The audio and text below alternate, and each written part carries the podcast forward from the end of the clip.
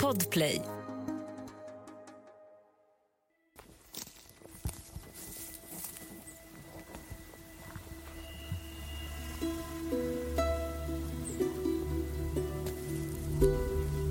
Det är sommaren 2022. Jag, Urban Järdek, befinner mig på en före detta banvall belägen i de vidsträckta skogarna på mellersta Gotland. Jag har precis tagit emot ett samtal från Tobias von Braun som sagt åt mig att jag omedelbart måste komma bort.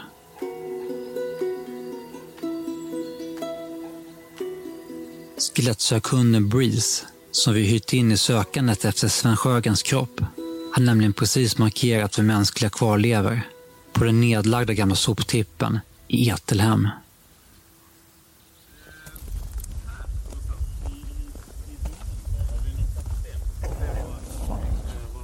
Där har vi i alla fall fått eh, en träff alla? Eh, så vi får se Jävlar. eh, vad vi gör med det. Ni hör hundföraren Malin Svensson. Eh, nej men vi sökte av, vi valde att eh, Mm. sö, eh, söka av, eh, gå från vägen och gå, följa den här då. Absolut. Ja. Eh, och när vi kom ner hit till, eh, om ni ser enebusken där, Mm. eh, bakom den så är det en eh, plattsten. Ja. Där började hon visa intresse så vi började misstänka någonting och Mm. sen eh, till vänster om stenen eh, där la hon sig första gången. Ja. Ja, jag belönar henne såklart. Mm. Eh, och sen eh, tog vi tillbaka henne och så skickade jag henne härifrån istället. Mm. Bara för att se. Och då markerar hon hit om eh, enebusken. Så jag, Mm. alltså runt enen Ja. där. ja. Men visst är det så att eh, växthuset tar upp de här eh, skelettdofterna? Ja, alltså det, det följer Ja. ju liksom stenar och rötter och Mm. allting. Liksom. Mm. Det är ju små hålrum som liksom Ja. sådär. Så att, eh, Men det betyder inte att det nödvändigtvis ligger under en busken så att säga? nej, utan, utan vi kan, alltså, Ja. alltså det området där liksom. Ja. Ja. ja. Eh, för att sen eh, så valde vi att fortsätta och söka. Så det, vi har en tredje plats Okej. också. Ja. Eh, vad blir det? 20 meter bort. Fan. Ja. Jag och Christer Bjöle slog en signal till kriminalinspektör Per Bäckström som är polisens samordnare i fallet Sven Sjögren för att uppdatera honom om läget. Hej, det är Christer här, Horisont. Och Urban. Och Urban. Tjena, tjena. Och eh, en jävla massa andra. Vad gör du? Oj, oj, oj. Vad håller du på med? På jobbet med, ut, med utredningar. Hund, Och- Hundarna har gett eh, träff på två platser med 20 meters mellanrum. På tippen. Åh fan. Ja, ni ser. Vår överenskommelse med Gotlandspolisen är att om vi skulle lokalisera kvarlevor som kan misstänkas vara mänskliga så kommer de därefter ta över utredningen för att fastställa om det verkligen rör sig om kvarlevorna efter Sven Sjögren. Gotlandspolisen har även satt oss i kontakt med en polisiär arkeolog som ska kunna bistå oss vid en eventuell utgrävning. Men det där är ju spännande. Jävligt spännande. Så, har ni snackat med Jesper eller? Ja, vi ska göra det. Ja, gör det. För han, är ju, han har ju koll på allting med, med, ben och sånt där. Mm. Ja, men fan vad bra. Jag, jag är med i matchen här. Ja, det är bra. Ja, det händer någon förändring. Ja, ha det vi, fint. vi eh, hörs av igen. Hej! Det gör vi. Ja. Hej, hej. Hej. Men nu hamnade vi egentligen här, på den här ensliga platsen, mer än fyra mil söder om Lumlunds bruk. Återigen så behöver vi backa bandet.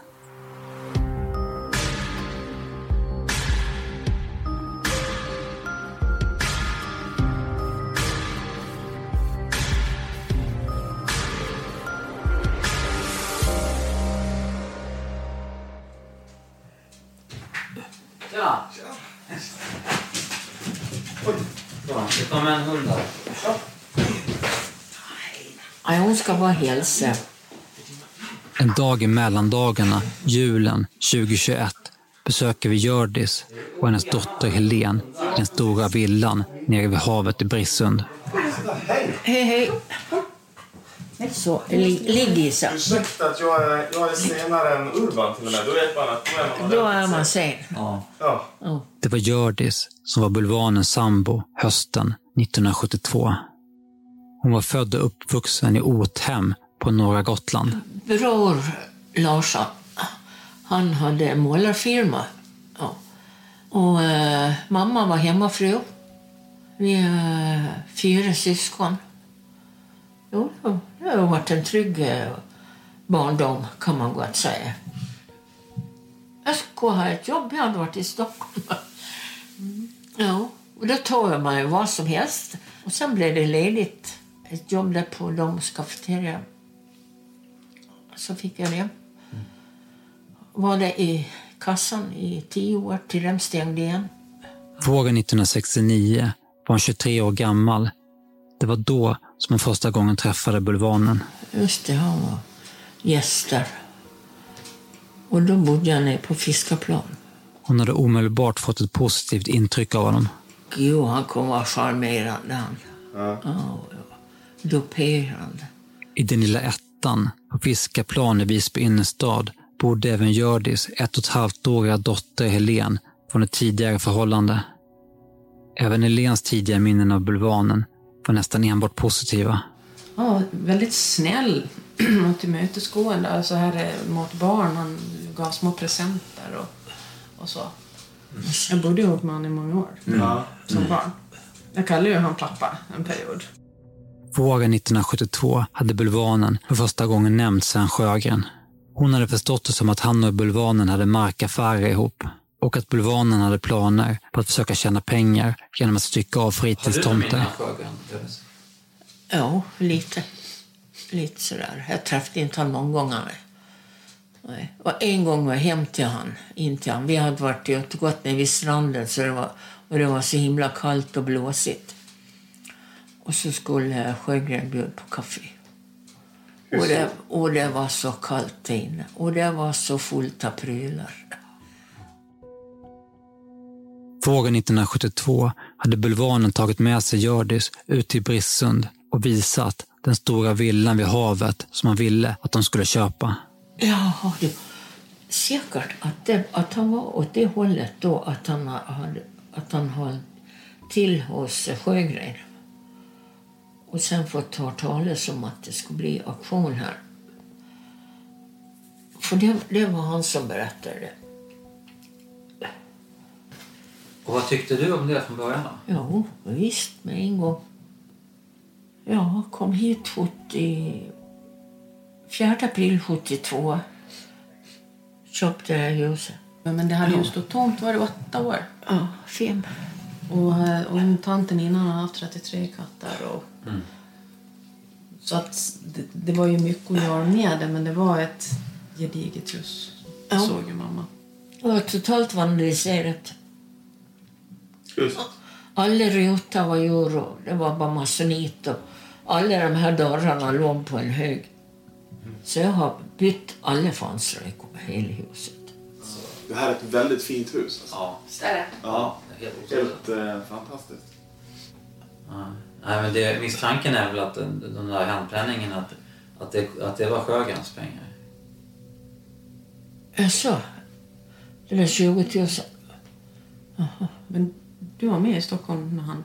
Nej, inte när han fick den pengarna. Alltså, det kan ju alltså, det Ja. kan vara en ren chimär liksom. Det, det vet man inte. För att han hade, någon dag innan hade han varit hos eh, och fått ett kuvert på 25 000 kronor. Sen Dagen så- innan auktionen. Ja, det stämmer det. Det låter väldigt troligt. Men efterhand hade mörkare sidor hos bulvanen börjat visa sig. Först kanske man upplevde honom som väldigt trevlig och social och, och att han tyckte om att han verkligen visade att han tyckte om folk och var intresserad. Om någon som är intresserad av det och frågar dig om hur du mår och hur du har det och så. Det är ju alltid lite mer men helt klart en psykopat. Liksom, har ingen Ja. liksom, känslor Nej. utan vad det gör. Ja. Ett ord som väldigt många använt för att beskriva bulvanen är psykopat. Men vad är egentligen en psykopat? Och kan bulvanen ha varit en sådan? Och vad har det i så fall för betydelse när man försöker lista ut vad som hände med Sven Sjögren?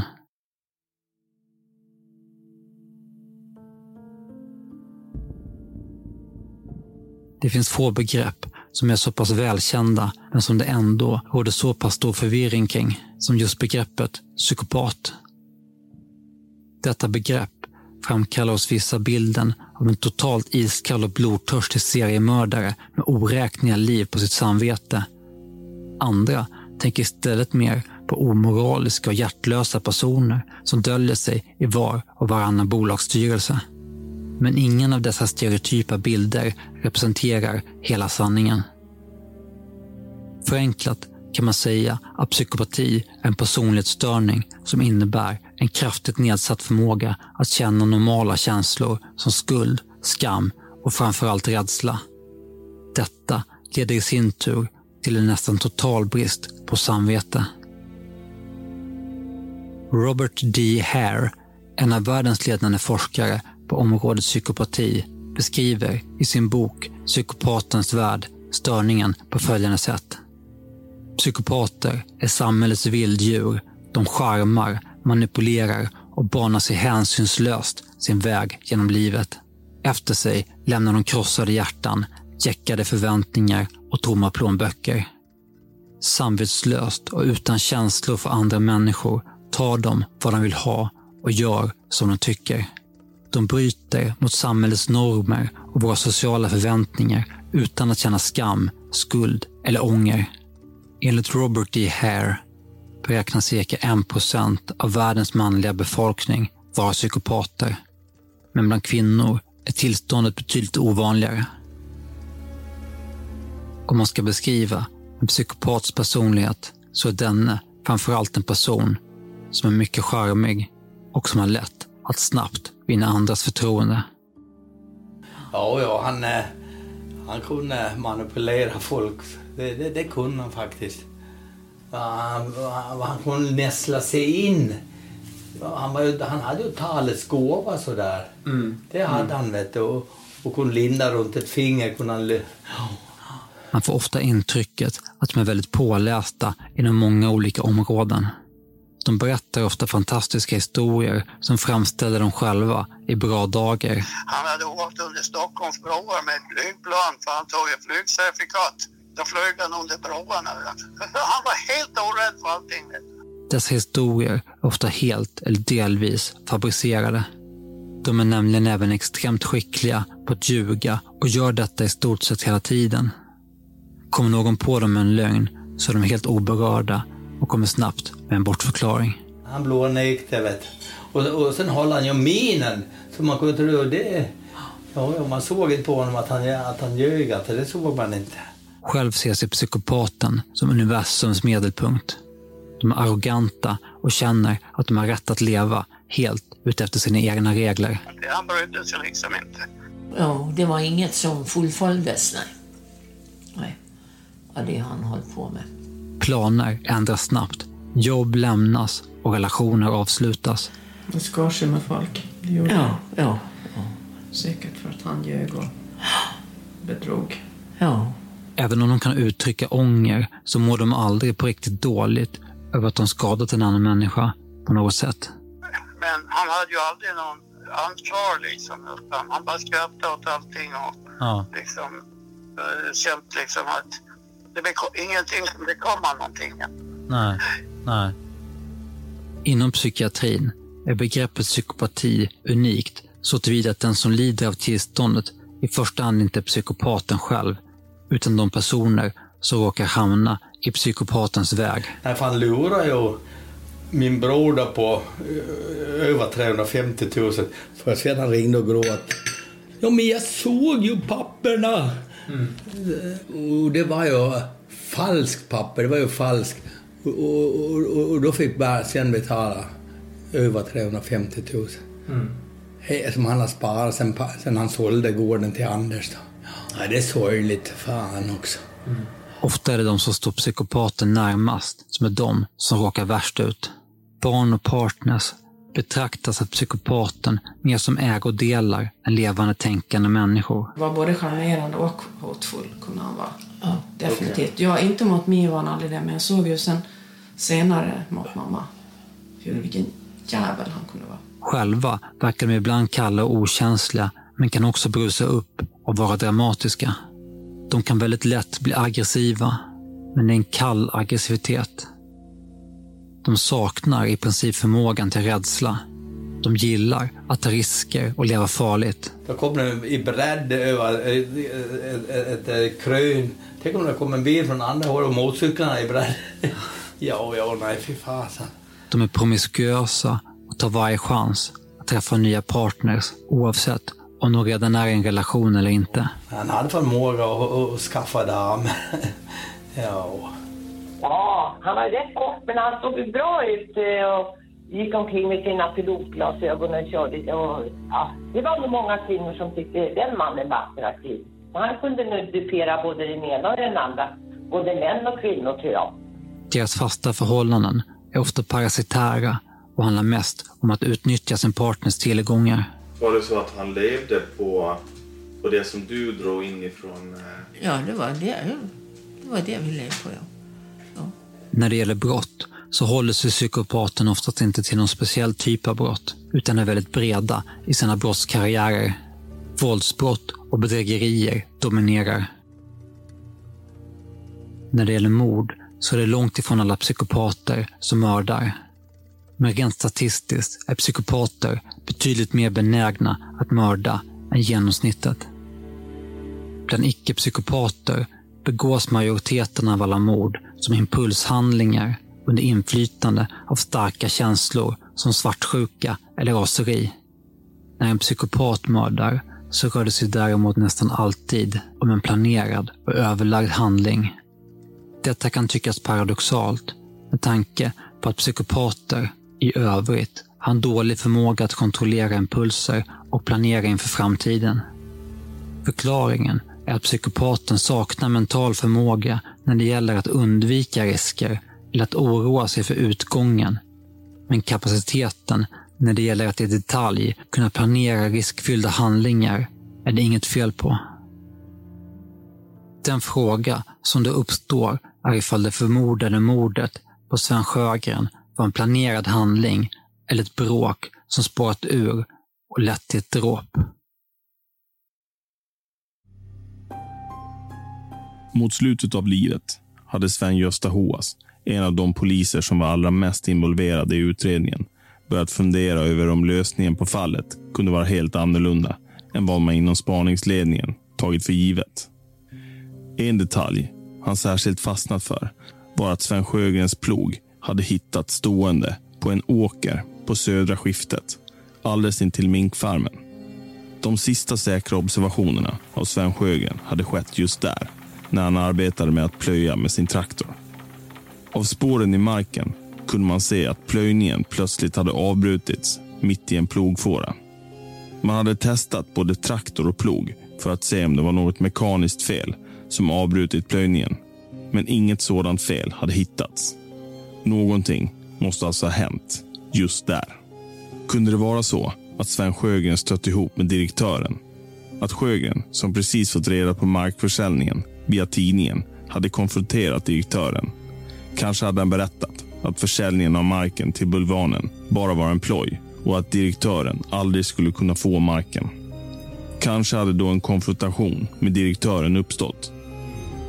Med tanke på att direktören rutinmässigt gick beväpnad hade det hela slutat med ett skott och Svens död. Kanske hade en panikslagen direktör därefter ringt upp Bulvanen som lovat att hjälpa honom med att lösa problemet. Mot en rejäl ersättning förstås. Kanske 10 000 i kontanter till att börja med. Kanske maldes kroppen därefter verkligen ned i kvarnen på farmen under natten och resterna utfordrades till vildsvinen i djurparken. Kanske hade köksmästaren på minkfarmen dagarna efter anat vad som hade hänt, men mutats till att hålla tyst. Kanske hade Bulvanen därefter hittat på historien om svensk Stockholmsresa, anlagt den nya vägen och konstruerat en historia där han själv var den som sist träffade Sven Sjögren. Allt för att därefter leda in utredningen på fel spår och därefter kunna ha en hållhake på den stenrike direktören så länge han levde. Själv hade Bulvanen dragit nytta av sitt nyvunna rykte som iskall mördare för att sätta sin omgivning i skräck och få sin vilja igenom. Direktörens mäktiga kontakter högt upp i det gotländska samhället hade därefter försäkrat att polisutredningen aldrig utredde spår som kunde peka i andra riktningar. Det är en tilltalande hypotes som skulle kunna förklara mycket av det som skett i Sjögrenfallet och varför fallet aldrig blivit löst. Men vad finns det egentligen som stöder hypotesen? Vi kommer åter tillbaka till tidningsnotisen som publicerades torsdagen den 5 oktober. Ända sedan Sven försvann har det spekulerats i att det var när Sven fick reda på försäljningen som var den utlösande faktorn. Men var det verkligen så att Sven allra första gången fick höra att marken sålts till direktören i samband med tidningsartikeln? Överraskande nog är svaret nej. I de tidningsartiklar som publicerats om fallet under åren har detta närmast varit en etablerad sanning. Men går man tillbaka till de ursprungliga protokollen så märker man att det inte stämmer. I förhören med Stigs pappa, Gunnar Larsson, så är han väldigt tydlig med att tillfället när han berättade för Sven om försäljningen kan ha varit så långt som en vecka innan försvinnandet. Gunnar hade nämligen inte fått reda på försäljningen via tidningen. Istället hade han fått veta det direkt genom en bekant som var representant i lantbruksnämnden. För du, du trodde ju, som många andra, som jag också trodde från början, att eh, det var tidningsartikeln ja. din pappa hade läst. Ja. ja. Ja, det har vi gått och trott det, i släkten. Mm. Det har blivit så lite förvrängt. Det verkar fel. Ja. ja. Jag vet det, vi pratar om... Ja, det hände väl ingenting förrän... Det var veckan före publikationen av att minkfarmsdirektörerna hade sökt förvärvs... Eller då godkändes det förvärvstillståndet i tidningen. Veckan innan, då kom Sven förbi farsan. Då sa farsan Ja, men nu, nu, nu, nu verkar det som du har sålt till Don. Helt oförstående. Nej, vad säger du för någonting? Ja, jag har under hans informationssätt så jag vet att har ansökt hos Lantbruksnämnden om förvärvstillstånd på alla dina marker nere längs sjön. Det, det, här måste jag åka och reda ut, sa han. Så vände han traktorn, för han var på väg till myren och vända traktorn och åka hem. Och det var sista gången farsan såg Trots detta hade det alltså gått ytterligare en vecka innan Sjögren försvann. En annan detalj som skulle kunna tyda på ett dråp är det skott som Hans-Olof Ördin hörde en sen kväll i början av oktober. Även denna händelse har med åren förlagts till dagen för Svens försvinnande. Men i de ursprungliga förhören framgår det tydligt att skottet skedde samma kväll som Hans-Olof var på möte med juniorhandelskammaren. Han hade fortfarande kvar inbjudan till mötet när han förhördes av polisen. Och händelsen skedde, av allt att döma, en hel vecka efter att Sven Sjögren försvann. Men hur förhöll det sig egentligen med den så kallade köksmästaren som berättat att han en dag sett spår av att en människa malts ner i kvarnen och matats till vildsvinen? Kunde det ligga någon sanning i detta?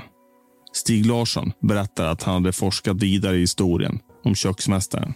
Ja, jag, jag ringde upp eh, hans dåvarande fru då, som han var gift med vid det tillfället och bodde ihop med. Så hon bara skrattade och sa att nej, nej, nej, du ska inte tro på han. Han drog sådana stories. Så det finns ingen sanning i det, det kan jag garantera, så. så där slöt väl det spåret. En annan person som arbetade nära köksmästaren berättar när jag började där så var, jobbade han där. Mm. Mm. Eh, just det, just det. En gubbe, han bodde ju där också i ett hus med sin familj. Ja. Precis. Eh, det är svårt, det är svårt för mig att säga direkt om, om han skulle varit inblandad. Det vet jag faktiskt inte. Han var ju en hemskt snäll person som jag uppfattade han i alla fall. Så, ja, jag tyckte, jag tyckte om honom. Han var lite rolig och sådär, lite skämt, skämtgubbe sådär. Ja. Och ja, nej, så att eh, jag, tyck, jag tyckte om den där gubben. Men om direktören nu inte skulle vara inblandad i försvinnandet, varför fortsatte han ge pengar? Och varför tog han inte större avstånd från bulvanen? Pappa var på något sätt som att, jag vet ibland när jag bråkar med honom, han försvarar sig liksom aldrig. Mm. Det var som att hälla vatten på en gås. Mm. Jag vet inte om han hade någon diagnos kanske, något sånt där, men han var liksom som min pappa. Han blev aldrig arg på någon. Han blev aldrig arg tillbaka. Och jag vet ibland, det kunde ringa någon och skrika så här. Ja, minkarna har rymt och liksom ätit upp mina hönor och han bara Ja. så att liksom, jag tror han kanske var lite radiostyrd på ett sätt. Jag vet inte om det är Arsberger eller vad heter när man liksom bara har ett mål och man gör det. Och man ser inte liksom det här runt omkring. Mm. Att nu har den här farmen och snart kommer torkan och minkarna ska ha vatten och han jobbar på. Mm. Och vad folk än säger och helt galna runt honom så är det som att hälla vatten på en gås. Mm. Att han liksom inte försvarar sig. Han var liksom smålänning och väldigt så här sävlig. Det finns något skämt så här internt i, i eh, släkten. Att han säger så här. Jag tror det brinner där borta. Alltså, det brinner men ingen reaktion. Liksom. Ingen brådska, liksom. Ingen brådska. Och det var pappa. Lugn och sansad. Och, och liksom med människor. Jag vet inte, jag har fått den uppfattningen om andra så här runt omkring att pappa var ju väldigt tystlåten. Han var ju som att han levde i ett litet ägg på något sätt. Att antingen älskade folk pappa eller så hatade de honom för att han var minkfarmare. Så att det blev liksom antingen eller på något sätt. Så att det är tråkigt med pappa för det känns som att han fick jättemycket skit för det där. För det lät ju jävligt snaskigt. Liksom att någon skulle ha malt ner någon till minkmat ungefär. Ungefär som att det blir en bra skräckfilm. Ja, Lite Lite så. Lundell har ju till och med skrivit en bok med den. Jo, Och sådär. och det fick väl pappa leva med den skiten då. För att han var minkfarmare. Hur tog han det då liksom?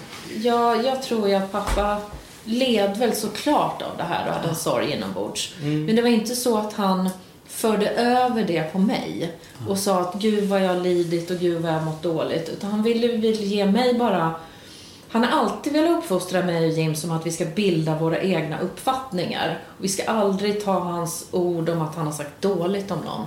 Utan allting är liksom vår världsåskådning. Mm. Och det tycker jag är fint. Han pratade aldrig någonsin illa om en annan människa. Mm. I hela sitt liv. Jag har aldrig hört pappa säga ett ont ord om en annan människa.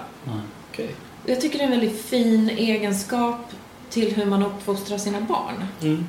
Så det var liksom lite grann upp till mig att bilda mig en uppfattning om andra människor i alla sammanhang. Av alla som var utslagna eller på det ena eller andra sättet. Det fick Mm. jag i så fall eh, skapa mig en mening om. Men den negativa inställningen mot farmen och direktören gick inte över. Utan under åren blev minkfarmen ett alltmer oönskat inslag i det gotländska landskapet. Direktören hade alltmer börjat få myndigheterna emot sig. Han som tidigare hade haft fritt spelrum och kunnat göra som han ville hade nu blivit mer kringgärdad av regler och krav från myndigheterna.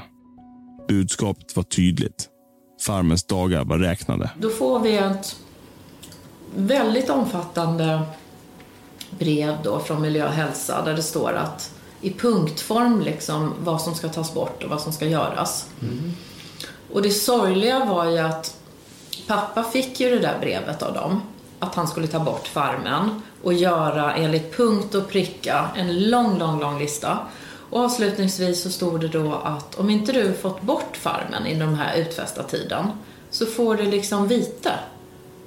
Och betalar man inte vite, ja men då får man ju fängelse. Mm. Så vad det andra ord stod i det här brevet från dem var ju att ta bort farmen. Mm. Betal det själv. Och har du inte gjort det i tid så Åk in. Åk in. I princip. Ja. Och det är ju ganska hårt slag mot någon då som har varit hyllad för att man liksom anställer mycket folk och man får fördelaktiga lån och man blir uppmuntrad till att bara göra större och större. Så stort så att det egentligen inte går att lägga ner. Man kan liksom inte elda upp hur många miljoner som helst. Och så vart det med honom. Så den dagen pappa fick det här brevet, det är ju väldigt sorgligt men då åkte han till min bror i Småland för att läsa upp det här då. Och sen så ringer brorsan till mig och säger att pappa var här. Nu är det liksom definitivt. Och det är väldigt hårt skrivet det här brevet för att han har ju bara kort tid på sig. Jag vet inte vem som ska betala det här. Och när pappa åkte så var han alldeles blek och alldeles liksom kall när jag kramade om honom. Och sen så nästa dag så väcks jag av att två poliser knackar på min dörr, min lägenhet i Stockholm. Och så bara, nej men din pappa gick bort på Arlanda igår i en hjärtattack. Det var precis efter det brevet. Så liksom. det var bara någon dag efter brevet. Så det enda han hade med sig var det här brevet i hans portfölj. Och han eh, trillade ihop då på Arlanda. Ju mer vi hade granskat fallet, desto mindre sannolikt bedömde vi hypotesen om en konfrontation som slutat med ett skott och svensk död. En stor del berodde på en del märkliga fynd som polisen gjorde hösten 1972 när de gick igenom Svens stökiga hus. Flera av de ledtrådar polisen hittade var fortfarande helt okända för allmänheten när vi fick ta del av utredningen sommaren 2012. Det är därför hög tid att vi går igenom husrannsakan. Kriminalteknikernas fynd redovisades i ett nästan 200 sidor långt protokoll och undersökningen pågick i nästan en månad. Eske Hoas alltså, var den polis som hade inlett undersökningen och efterhand hade han fått stöd av fler kriminaltekniker från fastlandet. I protokollet gick man igenom vad man hittat, rum för rum. Vi ska nu försöka sammanfatta de viktigaste fynden. Vi börjar i köket. Där rådde en rejäl oreda. Något som skulle kunna visa sig gälla nästan alla rum, även i resten av huset. Gamla brev, tidningar, utslitna kläder och odiskad disk belamrade köksbordet och diskbänken. På köksbordet låg en handskriven lapp. Lappen hade följande text. Kommer inte före klockan sju. Lappen var undertecknad av Bulvanen. Lappen låg bredvid ett nummer av tidningen Gotlänningen som Sven Sjögren prenumererade på. Tidningen var daterad onsdagen den 4 oktober och var den senaste daterade tidningen som hittades i huset. På köksbordet låg även en omkullvält väckarklocka där visaren stannat på fem minuter i sex. På golvet stod en femliterskagge till hälften fylld med surnad mjölk. Bakom köket fanns en liten hall mot baksidan av huset. Strax bakom dörren låg en brun kavaj och ett par bruna kostymbyxor. I förhör med butikspersonal i en järnaffär i Visby visade det sig att Sven, cirka en vecka innan han försvann, hade haft denna kostym på sig. Sjögrens vänner, Thomas och Majken, hade kunnat bekräfta att detta var Svens finkostym som han brukade ha på sig när han skulle gå bort eller utföra mer officiella ärenden. Enligt Thomas och Majken brukade Sven även ha en lång, gulbrun ytterrock till kostymen. Den brukade hänga i hallen när den inte användes. Men i hallen fanns varken någon rock eller några andra kläder på klädhängaren. Direkt till höger om hallen låg Svens finrum. Där var det till skillnad från resten av huset prydligt och välstädat. På en byrå precis intill dörren låg en plastmapp som innehöll en köpehandling för Sjögrens myrmark. Handlingen var signerad av Bulvanen och daterad till tisdagen den 3 oktober. Det skulle senare visa sig att handlingen var en förfalskning. En detalj som polisen hade noterat redan vid första besöket i huset var att det på det runda bordet i mitten av rummet stod två tomma glas. Där stod även en urdrucken ölflaska och en oöppnad flaska Rio blodapelsinläsk. Och mitt på bordet stod en tillbringare med surnad mjölk. På glaset intill ölflaskan hade man återfunnit bulvanens fingeravtryck. På bordet låg även en röd kulspetspenna. Man fick intrycket att två personer hade suttit och samtalat vid bordet. Från hallen ledde en trappa upp till övervåningen. I trappan hade teknikerna fått syn på en brunröd fläck som de först trodde skulle kunna vara blod, men som senare visade sig vara målarfärg. På övervåningen fanns tre stycken rum. Rummet närmast trappan använde Sven som sovrum medan de två andra rummen användes för förvaring av möbler, gamla kläder och allehanda bråte. Även i Svens sovrum är det rejält stökigt. Det är dammigt och smutsigt. Brev, tidningar med mera ligger utspritt på både golv och möbler. På en stol i sovrummet ligger en nästan ny grönblå overall. I overallens ficka hittar man ett postgirokvitto daterat onsdagen den 4 oktober som visar att 700 kronor har betalats till en bank i Visby. Sjögrens väninna Majken kan senare bekräfta att hon hade träffat Sjögren i Visby den dagen och att han då hade haft på sig just den overallen. Runt midjan på overallen kan man säga att den är svagt missfärgad. Som att där nyligen suttit ett skärp. Intill sängen finns en tv-apparat som står vänd mot sängen. Här gör teknikerna ett fynd som får dem att haja till. De upptäcker att någon slags vätska verkar ha sprutat ut över tvn och runnit ner över rutan.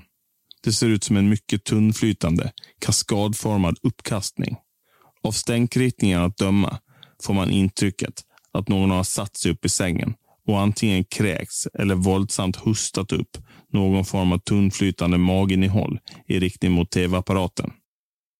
Att en vuxen människa plötsligt, oförutsett, kräks ner sin tv på detta sätt hör inte direkt till vanligheterna. Eftersom att inget tydligt dammlager kunde ses på de torkade fläckarna drar man slutsatsen att uppkastningen måste ha skett i nära anslutning till försvinnandet.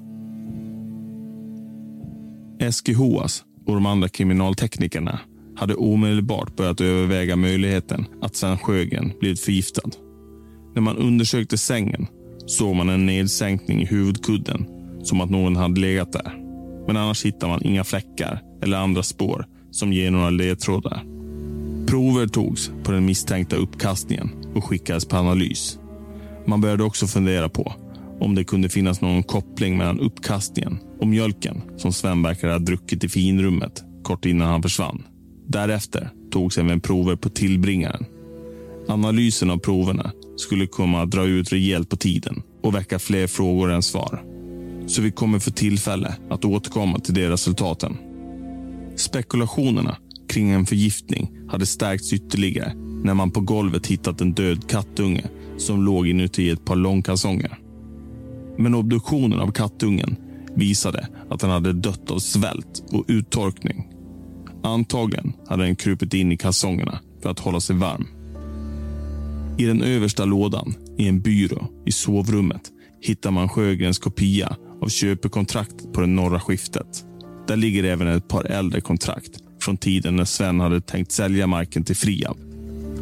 Slutligen finns ett brev från Svens bror Nils som gett honom råd om hur kontraktet för det norra skiftet skulle utformas och hur man bör gå vidare med affären. Rummet närmast intill sovrummet är till större delen fyllt med gamla oanvända möbler som verkar ha tillhört Svens syster som gick bort tio år innan försvinnandet. Trots det upptäcker utredarna att det verkar som någon nyligen varit där och sökt igenom rummet.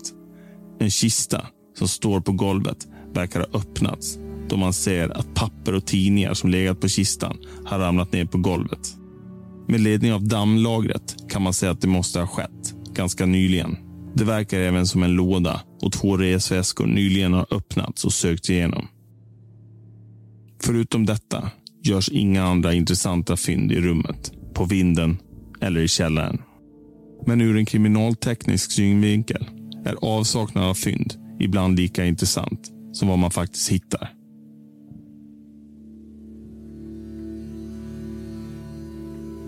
Utredarna noterar nämligen att flera föremål saknas i huset som borde funnits där. Vad gäller Sjögrens kläder så upptäckte man att flera olika klädesplagg verkade saknas. Även om man hittat en nyinköpt overall i sovrummet så hade flera vittnen innan försvinnandet sett Sven i en smutsig overall som han verkade använda parallellt med den nya overallen. Utredarna hittade gott om gamla smutsiga overaller i huset men ingen som verkade ha använts nyligen. Även det karaktäristiska läderbältet som Sven alltid bar till sina overaller saknades i huset. Man hittade inga stövlar eller arbetsskor som används nyligen, vilket Sven rimligen måste ha haft. Man hittar heller inte någon plånbok, portmonnä eller liknande. Även nyckeln till ytterdörren saknas. Den långa gulbruna rocken som Sven hade och som brukade hänga i hallen återfinns inte heller. Slutligen hittar man inte heller Svens svarta kostym som han brukade ha på sig på begravningar. Enligt vittnen hade han haft den på sig senast ett par månader innan han försvann. Även en del dokument som rimligen borde funnits i huset saknades. Främst gäller det säljarens kopia av köpekontraktet för det södra skiftet. Alltså kontraktet för det stora markköpet som verkligen gick igenom och där åklagaren misstänkte att det måste funnits en klausul eller tillägg som försäkrade Sven om att han skulle kunna köpa tillbaka marken efter att myndigheternas olika tillstånd hade godkänts. Svens exemplar av tidningen Gotlänningen från torsdagen den 5 oktober hittades inte i huset. Det var i den tidningen notisen om att svensk mark hade sålts till direktören hade funnits med. Inte heller tidningen från fredagen den 6 oktober eller de följande dagarna fanns i huset. Bulvanen hade i förhör berättat att han hade tagit hand om Svensk Post veckan efter försvinnandet.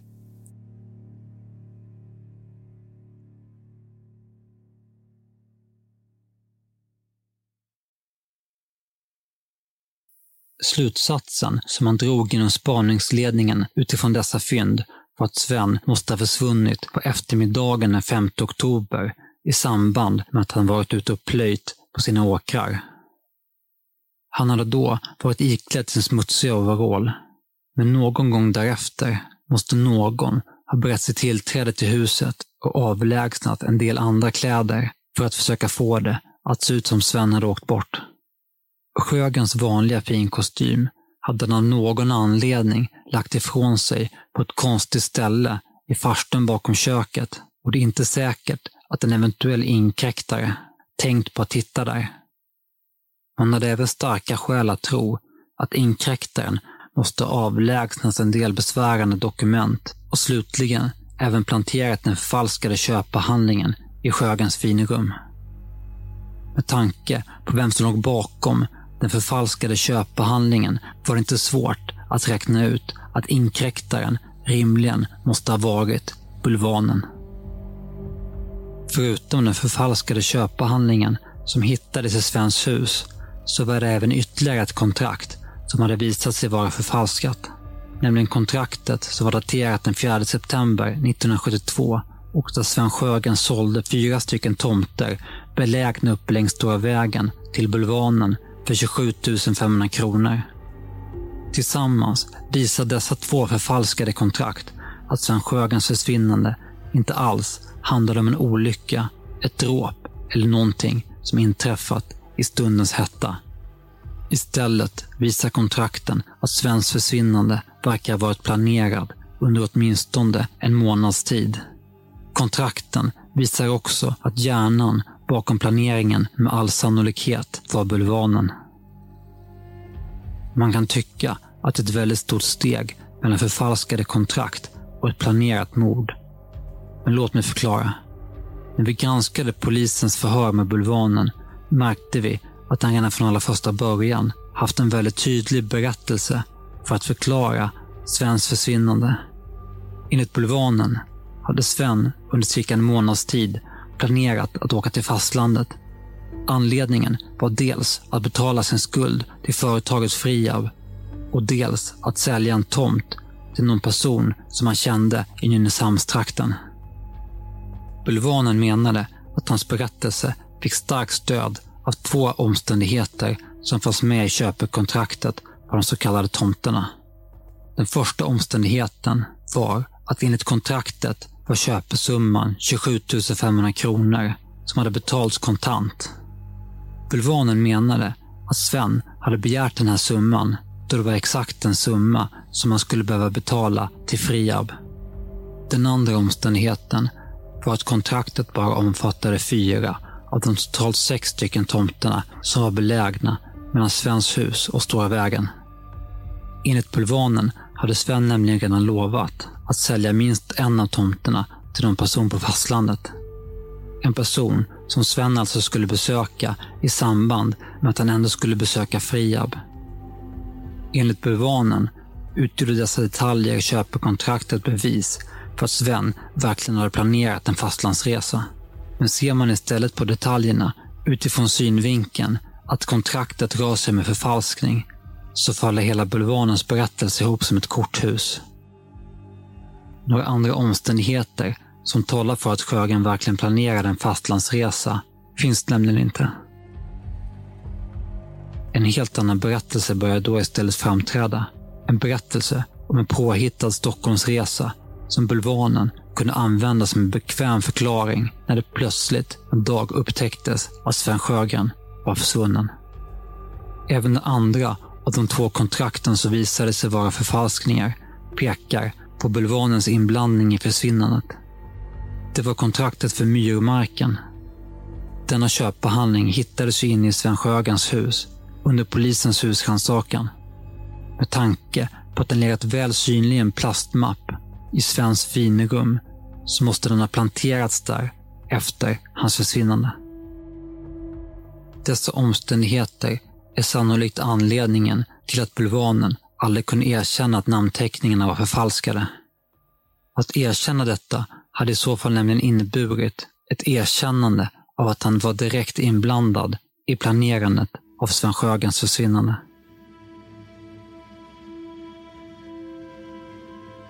Men om bulvanen nu hade planerat Svens försvinnande var han även mördaren. Det är svårt att förneka att bulvanen visar upp en personlighet som i väldigt stora delar stämmer överens med den som Robert G. Hare målar upp i sin bok om psykopati. Men innebär det att bulvanen var kapabel att döda? Hjördis berättar att bulvanen med tiden bara hade blivit mer och mer våldsam. Ja, för det var en gång, jag satt här, här på golvet på en stol och sen eh, sa, han någonting och jag svarade, jag bara flinade åt han. Och han blev vansinnig. Jag bara visste att jag inte trodde på honom. Då blev han bara, "Åh, bara då slå och slå. För jag var ju helt eh, blodröd i hela ansiktet, för det var ansiktet han slog. Och en gång också, jag låg och sov. Och kommer han infarandes på sovrummet uppe, sliter av mig täcket, sliter sönder nattlinnet och sliter av trosan. Så jag spring, naken springer jag ner och här ute först då får jag tag på en liten jacka så här bara. Och sticka in till grannen Henningssons. Och jag vet inte vad det var för någonting. Jag kommer ihåg att han kastade ner för trappan här. Ja, nej, det, det har jag. Han liksom Ingen hivlade minne. ner dig för trappan. Jag säkert tappat minnet. Jag smällde. Mm. Och vi och tog kort också. På blåmärken och så. Ja. Jo, sen den gången hade hundvalpar. Han kommer hem och, och kastade hundvalparna en och en i väggen. Ja. För att han var på mamma. Okej. Jag tror, jag vet inte. Va? Dog de här hundvalparna? eller? Ja, det gjorde de nog. Det, det har jag förträngt också.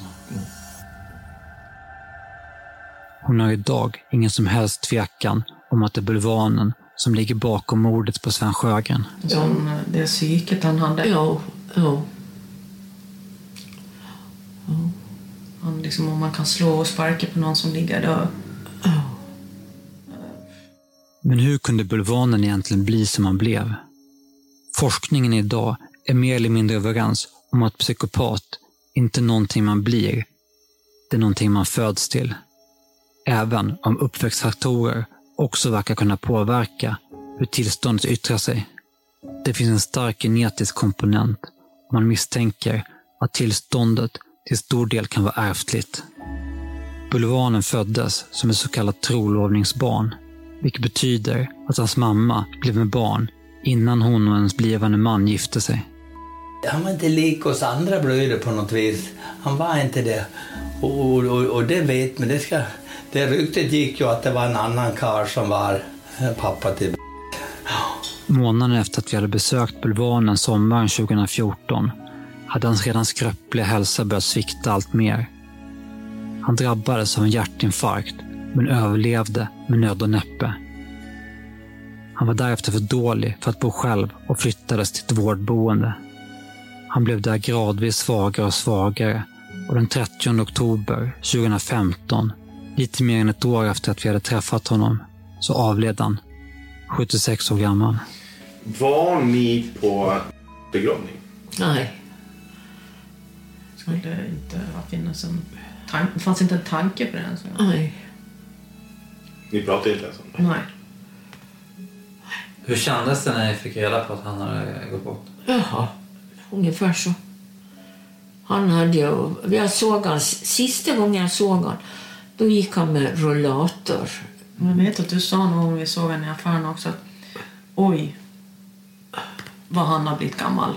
Och att du, man tyckte, du tyckte att han såg så nedgången ut. Skropplig. Skropplig, precis. Mm. Bulvanen begravdes den 9 december samma år. Ja, nej, vi var ju, vi var ju på begravning. Kent och jag och Ola också. Ja, då. Hur var det på begravningen då? Ja, då det, var, det, var, det var inte så mycket folk. Med på begravningen fanns en mycket liten skara anhöriga. Några av hans bröder, någon vän från boendet och två av hans styvbarn. Och då fick jag skriva ihop lite att han var intresserad av motorcyklar, så gjorde Karlsborg gjorde en farkorsjägerska. Så prästen hade lite att prata innan själva jordfästningen blev. Och han ville det, prästen. Och vad, vad ska han säga om, om man... Ja... Det var inte många som kom att sakna Bulvanen.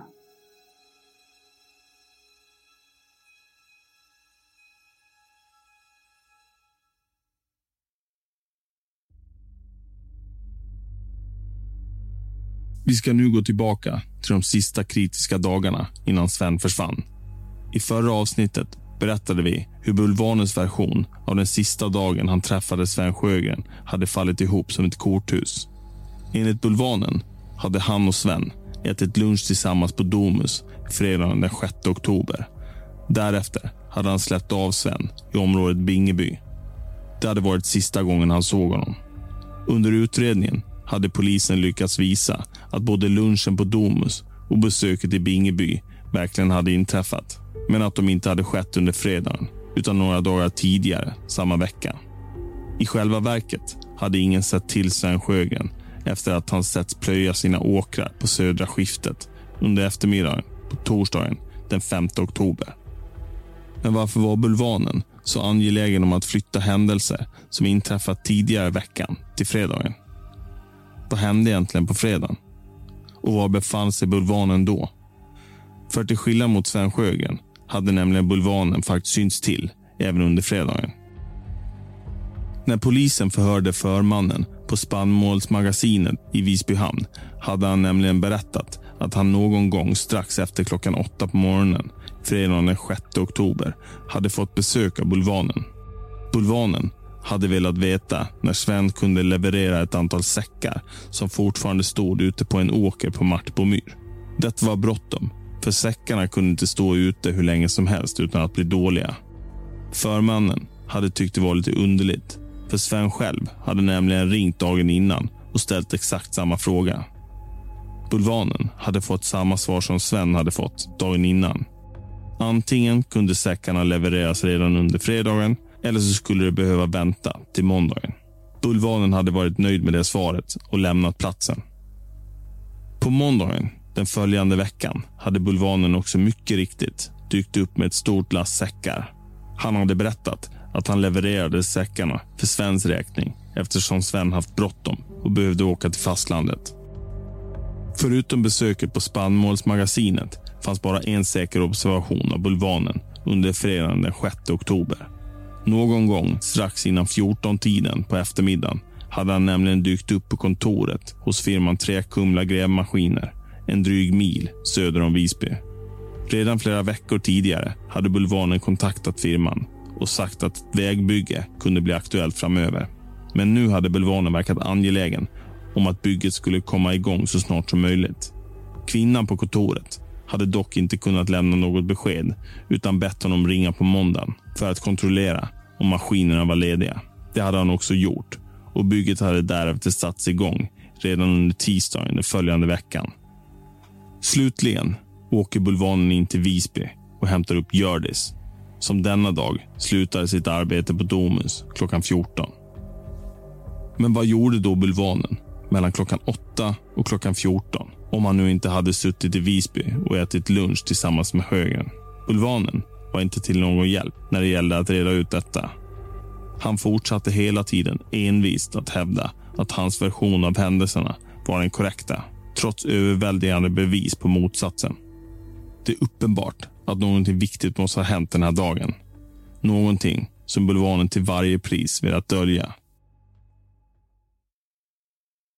Även om Bulvanen själv inte ville berätta vad han hade gjort eller var han hade varit under de här timmarna så fanns det faktiskt en vittnesuppgift i utredningen som skulle kunna peka på vart han hade befunnit sig.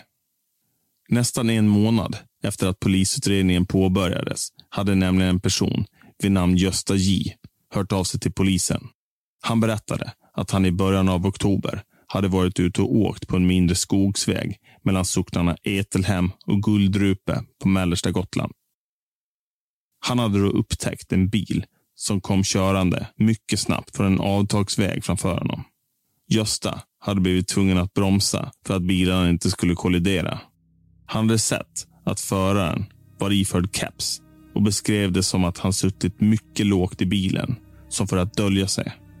Han hade redan då känt igen personen som en av sönerna i en familj i Guldrupe, men visste inte närmare vem han var eller vad han hette. Bilen hade därefter gasat iväg från platsen med sladdande bakända. Han hade tyckt det varit märkligt, men hade därefter inte tänkt så mycket på observationen. Men kvällen innan han hörde av sig till polisen hade han fått syn på en bild i Gotlandstidningen. Bilden föreställde Bulvanen och hade publicerats i samband med att Bulvanen gjorde sina utspel i media. Gösta hade omedelbart känt igen personen som den personen han mött på Skogsvägen den där dagen och hade då förstått att han måste kontakta polisen. Gösta är även helt säker på vilken tid och dag observationen skedde. Han hade nämligen direkt efteråt åkt till en butik för att köpa myrsyra till sitt lantbruk. Kvittot från köpet hade han fortfarande kvar. Tidpunkten var strax innan klockan 13 och datumet var fredagen den 6 oktober. Nästa gång i Kalla fall. Jag vet att han var borta den natten. Och det enda jag hade att säga om Sjögren, försvinnandet, det var ju att han var borta den natten. Och att han är kapabel till att ta bort honom.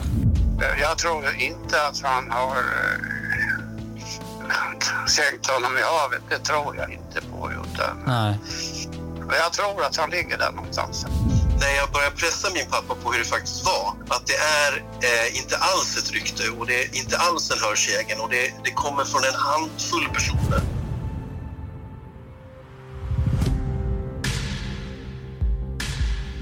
Kalla fall görs av Urban Järdek och Tobias von Braun och produceras av Podplay i samarbete med produktionsbolaget Bangalore. Producent är Mats Liljenberg. Följ oss gärna på Instagram. Där kommer vi att lägga upp bilder på sånt vi tar upp i podden. Där heter vi kalla understreck fall. Om du har några tips som skulle kunna bidra till att Sven eller Björn hittas, tveka inte att höra av dig på tips at kallafall.com. Tack till Johan Granat på Ego, Destination Gotland, Arinda Bygg, alla i grävgruppen som deltagit i sökandet. Och tack till dig för att du lyssnar på Kalla fall.